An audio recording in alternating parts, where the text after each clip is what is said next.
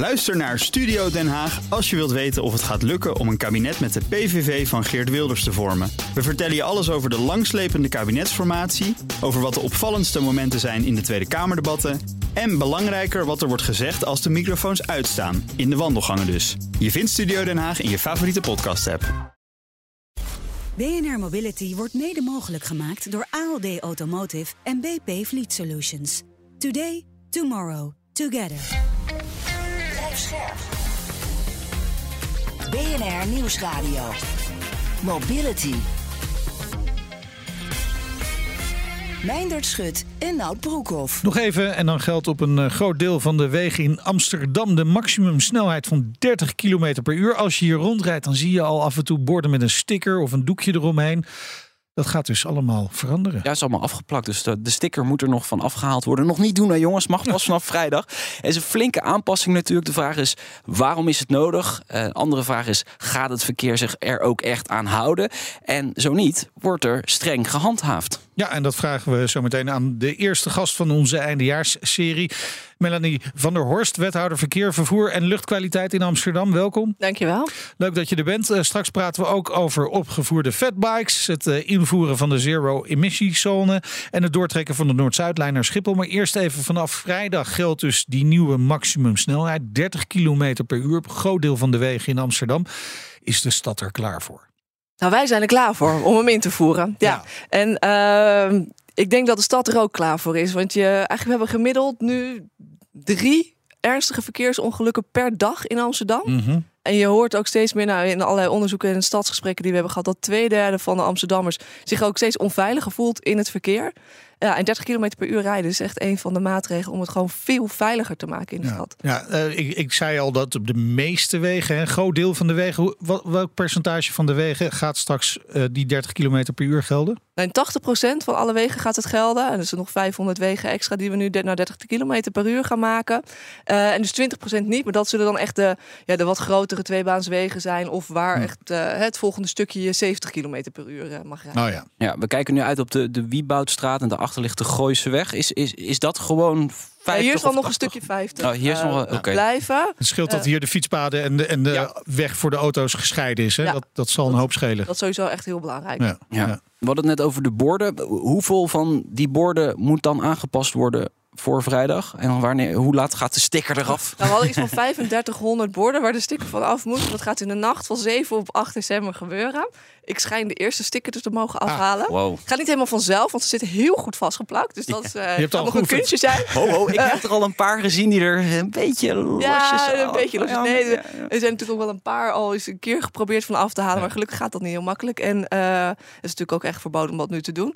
Uh, gewoon om mensen nu te waarschuwen. Dus, maar iedereen weet het. Dat is mooi van die borden nu al de aankondiging. Het is vrij duidelijk dat het gaat gebeuren. En het heeft dus daarom ook al een beetje nou ja, informerende functie gehad. Maar ze gaan er echt dan vanaf, allemaal in één nacht tegelijk. En het valt nu al eigenlijk iets meer op omdat die sticker erop zit. Ja, ja, dit, ja je, helpt je wel. Het. Ja, het helpt we praten zeker, erover. Ja. En we praten zo verder. Maar eerst even een paar dilemma's. Je kunt eens of oneens zeggen. Kiezen moet. Nuance mag wel achteraf. Mocht je het heel moeilijk vinden. Nout. Ik ga van start. De Noord-Zuidlijn wordt hoe dan ook doorgetrokken naar Schiphol. Eens. Amsterdam gaat alle opgevoerde fatbikes van de weg halen. Oneens. Met de verlaging van de snelheidslimiet gaat het aantal verkeersslachtoffers drastisch omlaag. Eens. Ja, dat zou ik ook zeggen. Zeker als dit een onderdeel is van die maatregel natuurlijk. Om daar gelijk maar even op door te pakken. Hoeveel verkeersslachtoffers gaat het verlagen van 50 naar 30 schelen? Nou, we verwachten zo'n 20 tot 30 procent minder uh, verkeersslachtoffers. En in andere steden is ook gebleken, bijvoorbeeld uh, in Oslo, dat er echt 31 procent minder was. Dus we hebben ook wel in andere steden al uh, nou bewijs of wat onderzoek Ja, ja. gedaan dat het ook echt gaat gebeuren. Ja, het is dus niet alleen maar gebaseerd op een onderbuikgevoel van Nee. langzamer, dat is veiliger. Maar er is echt onderzoek naar gedaan. Ja, en het is ook best wel logisch hè, om je voor te stellen. Ja, de, de remweg wordt gewoon de helft korter. Eh, met de, eh, van 50 naar 30. Je hebt een remweg van 26 meter versus een remweg van 13 meter. Als je 30 km per uur gaat rijden. Ja, in zo'n drukke stad is dat natuurlijk gewoon een heel groot verschil. En ik begrijp heus wel dat als je in de auto zit, je denkt, jeetje, 30 km per uur is best wel langzaam. Nou, dat wou ik net zeggen. Ik vind het een beetje truttige snelheid. Ja, je kan Truttig. denken, als je daar in die auto zit en denk, hè, ik rij ook heus wel eens een keer in een auto dat je denkt, nou, eh, dit gaat niet hard. Kijk, in het centrum denk je van Nou, prima. Ik wou ook zeggen, ik denk dat er ook heel veel automobilisten die wel eens in Amsterdam zijn, die denken van nou, harder dan 30, dat lukt me nooit. Precies, in sommige gebieden lukt dat überhaupt niet. Nee. Maar in andere gebieden zal het echt wel even gas, Ja. als gas terugnemen voelen. Zeker. Maar ja, dat is weer het perspectief van de automobilist natuurlijk, die ik heel goed begrijp. Ja. Als ik zelf in een auto zit, heb ik dat ook. Maar ja, het perspectief van de ander die je aanrijdt is er ook. En dat zijn echt wel Maar, de maar kun, fietsers, je, kun je een voorbeeld eh, noemen van een weg waar dat echt, echt even wennen gaat worden? Ja, ik denk Want dat we wel hadden het meer net over wegen die zijn. Wieboudlaan hier. Hè? Dat- dat- nou ja, dat, gaat gewoon, dat blijft gewoon 50. Ja, ik denk dat er een paar in die, eh, als je net over de rand van West naar Nieuw-West eh, rijdt, hè, de, de Jan Evertse straat, Ja. daar waar je dan toch ineens weer even wat, eh, wat harder kon rijden dan als je echt meer eh, eh, de stad inrijdt. Ja, dat zal even wennen worden. Ja, nou, ik heb vorige week de proef op de som genomen. Ik ben even door Amsterdam gaan rijden. Ja, echt 30? waar. Velen gingen u voor. Ja. Nou, ik, ik reed toch op heel veel stukken waar ik ook al borden afgeplakt eh, zag, reed ik toch al 40, 45. Dus het is wel echt een serieuze verlaging, denk ik, voor veel. Nu, wil, nu rij ik misschien gewoon te hard, dat kan natuurlijk ook. Maar het zal voor veel mensen toch echt een, ja, een verlaging zijn. En je moet het ook logisch maken voor mensen om dan die snelheid ook te gaan rijden. En hoe gaan jullie dat doen? Ja, eens. Dat is natuurlijk belangrijk. Dat je niet alleen borden neerzet. Die borden zijn wel belangrijk, want die helpen natuurlijk heel erg in. Ah, hier is gewoon een andere snelheid. Daar heb ik me ook aan te houden. Er is ook Ja. gewoon een wet voor. Maar we zorgen ook voor dat de, de wegen ook optisch, hè, zoals je rijdt, het gevoel hebt dat je langzamer moet rijden. Dat doen we met beleiding. Dus waar je wegen hebt, halen we bijvoorbeeld de middenlijn weg, waardoor mensen wat voorzichtig gaan rijden als er Ah, ja. tegenliggen zijn. Of als de weg heel breed is, maken we die juist smaller. Door in het, ook met beleidingen weer eh, wel overrijdbaar. We moeten, uiteindelijk moet je er wel doorheen kunnen. Uh, Maar ook om ervoor te zorgen. En we doen dingen met eh, stoplichten. Ja. Dus ook dat je die op 30 zijn afgesteld. Die zijn dus heel leuk als je dan doorrijdt, maar dan sta je elke keer stil. Mhm. Uh, dus op die manier proberen we vanuit allerlei nou ja, maatregelen. En sowieso als we een herinrichting hebben, maken we hem helemaal uh, Ja. meer dan 30 kilometer weg. De angst bestond dat er ook een hoop drempels bij zouden komen.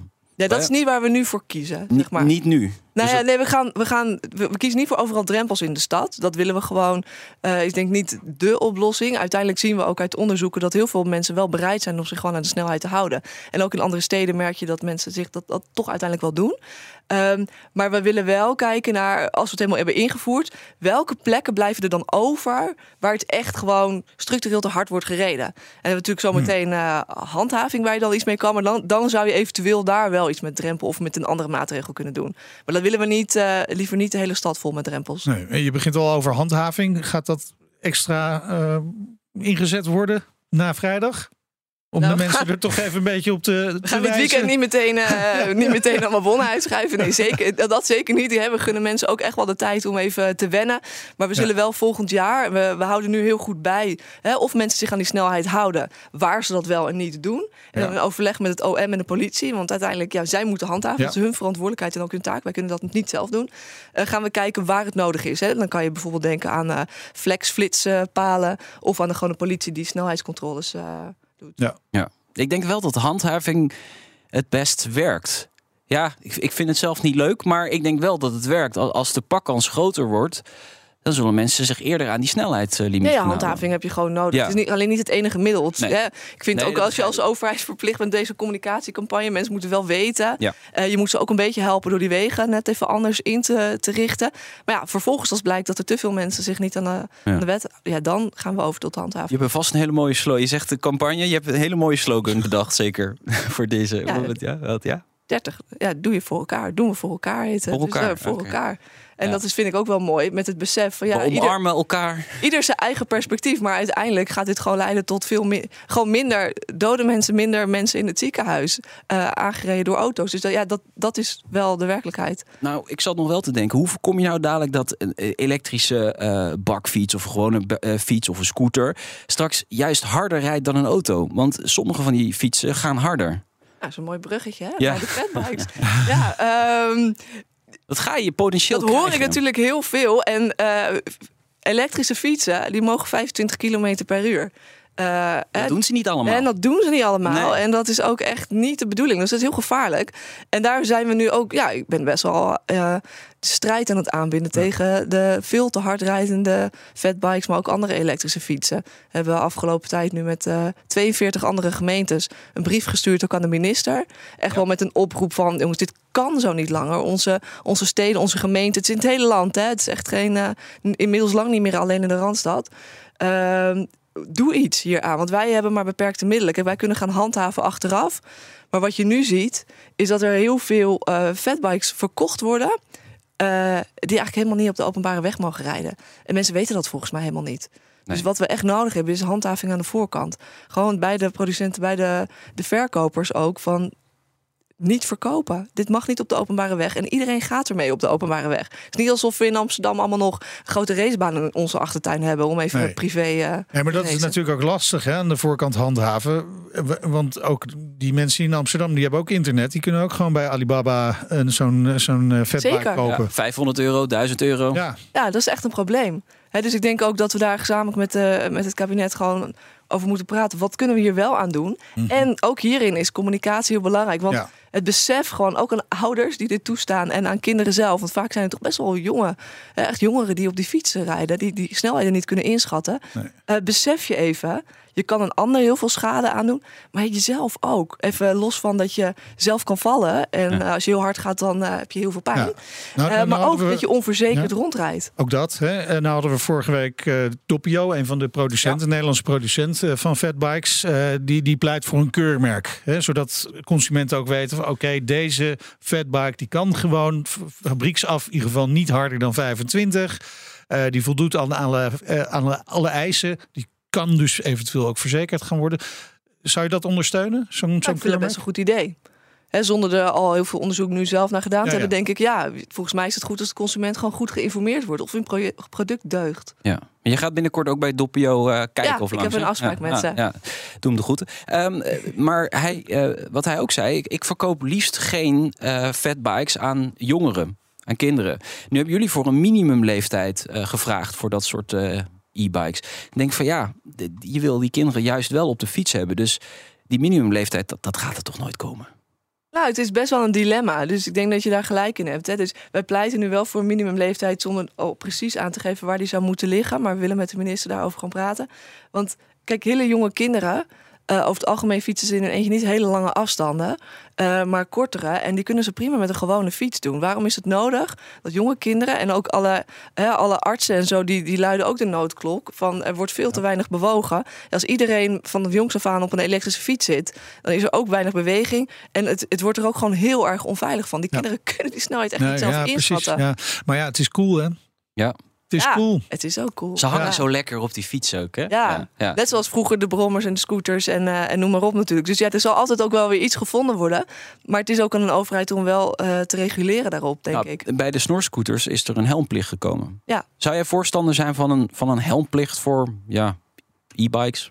Nou, dat vind ik dan weer moeilijk, omdat dat geldt voor alle leeftijden dan weer. Hè? Dus dan zou je ook uh, uh, de dertiger die uh, in, niet in die auto stapt, maar op zijn elektrische fiets en gewoon 25 km per uur rijdt, zou ook een helm op moeten. En dat heeft wel weer echt een afschrikkende werking vaak voor het gebruik van die fietsen. Dus daar zit het dilemma. Kijk, als ze gewoon 40 rijden, dan vind ik het heel, dat, dan moet er gewoon een helm ja. komen voor iedereen. En dan moet er ook echt een leeftijdsgrens sowieso, zou ik zeggen, van 16 komen. Bij de fatbike is het best een dilemma. Maar ik denk dat we hem wel aan moeten gaan nu. Maar goed, misschien als je een keurmerk hebt, dan heb je al heel veel opgelost. Hè? Dus het is ook even welk paardenmiddel is nodig voor wat.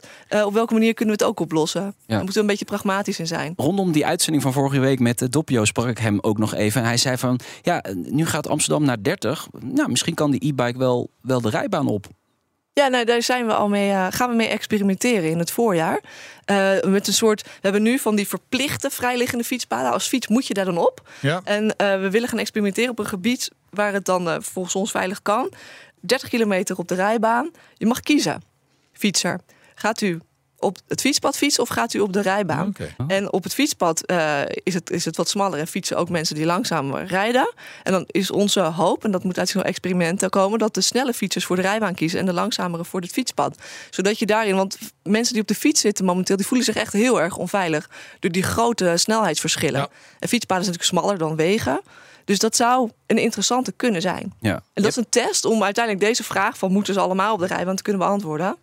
In het voorjaar, een test. Ja, gaan we, Ja. gaan we toetsen in het voorjaar. Ja. Dat wilden we niet in december. Nee, nee, dat snap ik. Eh, Je hebt al eerder gezegd dat, dat eh, die snelheidslimieten, eh, dat je die graag zou willen handhaven. En, en zelfs misschien denkt aan eh, geofencing om te beperken. Ja. Zijn er nog stappen in- ingezet? Nou, met geofencing zijn we bij, bezig. Ik heb eh, ook een keer in het Vondelpark op zo'n elektrische fiets rondgereden. eh, die dan 25 ging. Vond ik best hard in het Vondelpark trouwens. Ja. Ehm, nog en, en dan had je gewoon een, eh, een ja, eerst informatie hè, op je schermpje. Ja. Van dat je hier in een gebied was waar je 15 moest rijden, want er waren allemaal kinderen aan het spelen. Nou, dan ging je eigenlijk automatisch mentaal al langzamer. Eh, dus dat soort pilots draaien we nu. En, en we zullen ook gaan, gaan testen wat het gaat doen als je dan ook je fiets echt in die gebieden automatisch gewoon in snelheid mindert. Dus dat je hele trapondersteuning eraf gaat in dat gebied. Dus als je dan Dan worden sommige elektrische fietsen wel zwaar. Ja, zeker. Ja. Dus dat, Weet maar ervaring. daarom testen we het ook en voeren we nu meteen in om te kijken wat doet dit nu hè, met mensen. Ja, ja, ja. dat is interessante innovatie, zeker. Ja. Ja. zeker. Ook Bas van Werven vind je in de BNR-app. Ja, je kunt live naar mij en Iwan luisteren tijdens de ochtendspits. Je krijgt een melding van Breaking News. En niet alleen onze podcast Ochtendnieuws, maar alle BNR-podcasts vind je in de app. Download nu de gratis BNR-app en blijf scherp. Goed, eh, dan gaan we even naar de, de zero-emissiezone. Want eh, net als 30 tot 40 andere gemeenten werkt Amsterdam eh, aan de invoering daarvan. Hè. Per wanneer gaat dat gebeuren? Is dat al duidelijk? Nou, in 2025 eh, gaan we het invoeren. Ja. Met wel allerlei ook nog uitzonderingsregelingen. Dus hè, dan alle nieuwe, veel nieuwe eh, vervoer moet dan elektrisch worden. Bijvoorbeeld bij taxis en bij bestel. En eh, alleen hebben we ook nog wel hebben we regelingen voor als je er al een, een taxi hebt of een bestelbus hebt. Dan heb je nog tot 2028 de tijd. Afhankelijk van eh, je klasse, hè, Ja. je emissieklasse. Sommige 2027, andere 2028. En waarom is dat noodzakelijk? Waarom, waarom moeten er nog allerlei eh, uitzonderingsregelingen komen en zo? Nou, dat gaan als ondernemers nu net eh, iets nieuws hebben gekocht. En dan willen we ook wel zorgen dat ze eh, daar nog een beetje hun afschrijving kunnen doen en eh, een business case op kunnen volgen. Maar we willen wel duidelijk zijn. We, willen wel, we gaan het invoeren. Dus alles wat nu nieuw gaat worden, moet eh, elektrisch. Maar we willen ook wel in redelijkheid met de ondernemers kijken om het nog mogelijk te maken. Hè. Ja, we willen ook niet alle ondernemers nu meteen failliet maken. Nee. We willen ze een regeling geven. Dus het is Ja. ambitieus, maar ook een beetje pragmatisch. En hoe ziet die regeling er dan uit? Hoeveel tijd hebben ze om dat uit te faceren? Nou, dus tot 2027 of Tot 2028 2000, oké, afhankelijk. Kijk, we zitten nu Dus midden in het proces. Hè, dus ja. alle reacties komen nu. We gaan er uiteindelijk eh, definitieve versies van maken. Maar bijvoorbeeld voor taxi eh, heb je dan tot 28 de tijd als je emissieklasse 6 bent, tot 27 als je emissieklasse 7 bent. Eh, nou, zo hebben we voor bestel, voor scooter. we doen het echt voor alle modaliteiten gaan we een. eh, eh, regeling hebben we. En we willen ook wel ondernemers gaan helpen. En de komende tijd monitoren. hè. Sommigen eh, krijgen ook een beetje subsidies sloop, sloopregelingen zullen Ja. we gaan maken. Ehm, maar ook, ja, als er echt in precies die categorie voertuig eigenlijk nog helemaal niks op de markt is, Ja. willen we dat ook wel gaan volgen. Dat je niet straks in 2028, 2030, waarop echt alles elektrisch moet zijn. Ja, zegt ja, sorry, maar er is een regeling, maar er is gewoon niks op de markt. Dus dat moeten we wel gewoon een beetje realistisch blijven volgen. Dus dan kun je nog eens twee jaar respijt krijgen. Maar dat taxis, dat dat voor taxis en bestelauto's, die zijn er. Ja. En dus daarvoor kan Ja. het. Maar je hebt soms hele specifieke voertuigen waarvoor we het ook nog even Ja. zoeken is. Waar, waar begint die zero-emissiezone? Waar, waar, Het is in want- principe in een hele bebouwde Ja? kom en gewoon heel eh, Amsterdam waarop we kunnen handhaven. Oké, maar dan Eh. ben ik bang dat eigenlijk alles gaat verschuiven tot, tot de ring of net achter de ring. Want we hebben laatst ook een onderzoek gezien waarin je ziet dat eh, veel ondernemers dan denken: ja, dan zet ik mijn busje wel even buiten het centrum en dan, dan ga ik met een personenwagen even het centrum in. Los je het dan ook wel echt op? Is mijn. nou, eerlijk mijn gezegd vraag. zie je al best wel de beweging nu. Hè? Dus ik heb ook met de logistieke sector en zo TLN gezeten. En die zeggen, van, ja, je moet er gewoon wel vasthouden hieraan. Heel veel gemeentes doen dit. Het is ook echt rijksbeleid om het te doen. Dus we voeren het op een gegeven moment heel veel gemeentes tegelijk in. Eh, en dan kunnen we. Natuurlijk zullen er ondernemers zijn om het proberen op een andere manier dan alsnog, hè, dat het werkbaar is. Moeten we maar even kijken hoe dat werkt. Maar heel veel, je ziet de transitie bij heel veel ondernemers wel gaande. Hè, vroeger was je blij als je een paar jaar geleden e- eens in de zoveel tijd een ondernemer die overging op elektrisch. Nu kan ik het niet bijhouden. Ik iedere dag gewoon allemaal ondernemers die over zijn op elektrisch. Dus het gebeurt. Uh, het gebeurt al. En, en, de vraag is hoe, hè, hoe zorgen we ervoor dat iedereen mee kan komen en dat je Ja. nog een beetje nou ja, realistische regelingen hebt. Ja, nee, ja, precies daarom. Hè, want het gaat ook om handhaven. Je moet het natuurlijk wel ook handhaven. En als ik het zo hoor, dan komen er ook best wel veel uitzonderingen en uitfaseringsmomenten. Hoe, hoe ga je dat allemaal in de gaten houden? Komen er overal camera's die kentekens gaan checken? Ja. Oké. Ja, dat hebben, we hebben dat systeem eigenlijk nu al. Ja, we hebben nu al regelingen. weg natuurlijk. Dus het is Ja. eigenlijk heel, het is relatief makkelijk om dit door te voeren. Natuurlijk is het altijd een operatie, maar het is relatief eenvoudig. Ja. Gaan jullie ook meehelpen aan bijvoorbeeld hubs langs de ring bouwen? Of, of is dat echt aan het... aan Ah, die, ja, die zijn eh, die Ja, worden oké, maar- natuurlijk deels al gebouwd. Ik denk dat dit, dat dit breder is dan alleen Amsterdam. Dat je het heel regionaal en ook landelijk moet gaan bekijken. Hè? Dus, eh, maar dit gaat eigenlijk niet over, wat mij betreft, niet eens over elektrisch vervoer zozeer, als meer gewoon over de logistiek in, eh, in Nederland. Ik vind ook in Amsterdam dat we best wel soms te weinig aandacht hebben gehad voor logistiek. Want er is een gigantische stroom in de stad, die niet altijd efficiënt is. Eh, maar wel heel bezorgers maar heb je wel- dan over? ja, pakketbezorgers, maar nee, ja, eigenlijk gewoon eh, leveranciers van horeca en zo. Ja. Dat is eigenlijk waar het veel meer hè, met de half lege busjes soms gaat. Eh, en vaak ook niet, hè. Maar daar zit echt nog wel winst. En het, we hebben dat. We hebben die logistiek kaart nodig in de stad om gewoon de stad draaiende te houden. Zeker. Dus we moeten er als gemeente denk ik ook veel meer aandacht voor hebben. En tegelijkertijd vragen om een beetje ambitieus te zijn ook in die sector. Om dingen efficiënter te maken. Want Ja. de komende jaren, 25 jaar, komt er gewoon nog 25% groei aan logistiek bij.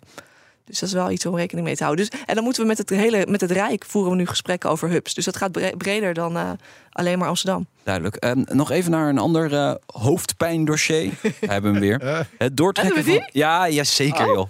Eh, de Noord-Zuidlijn doortrekken naar Schiphol. Ehm demissionair kabinet heeft aangekondigd 1,6 miljard euro te schrappen. Ja, hoe problematisch is dat?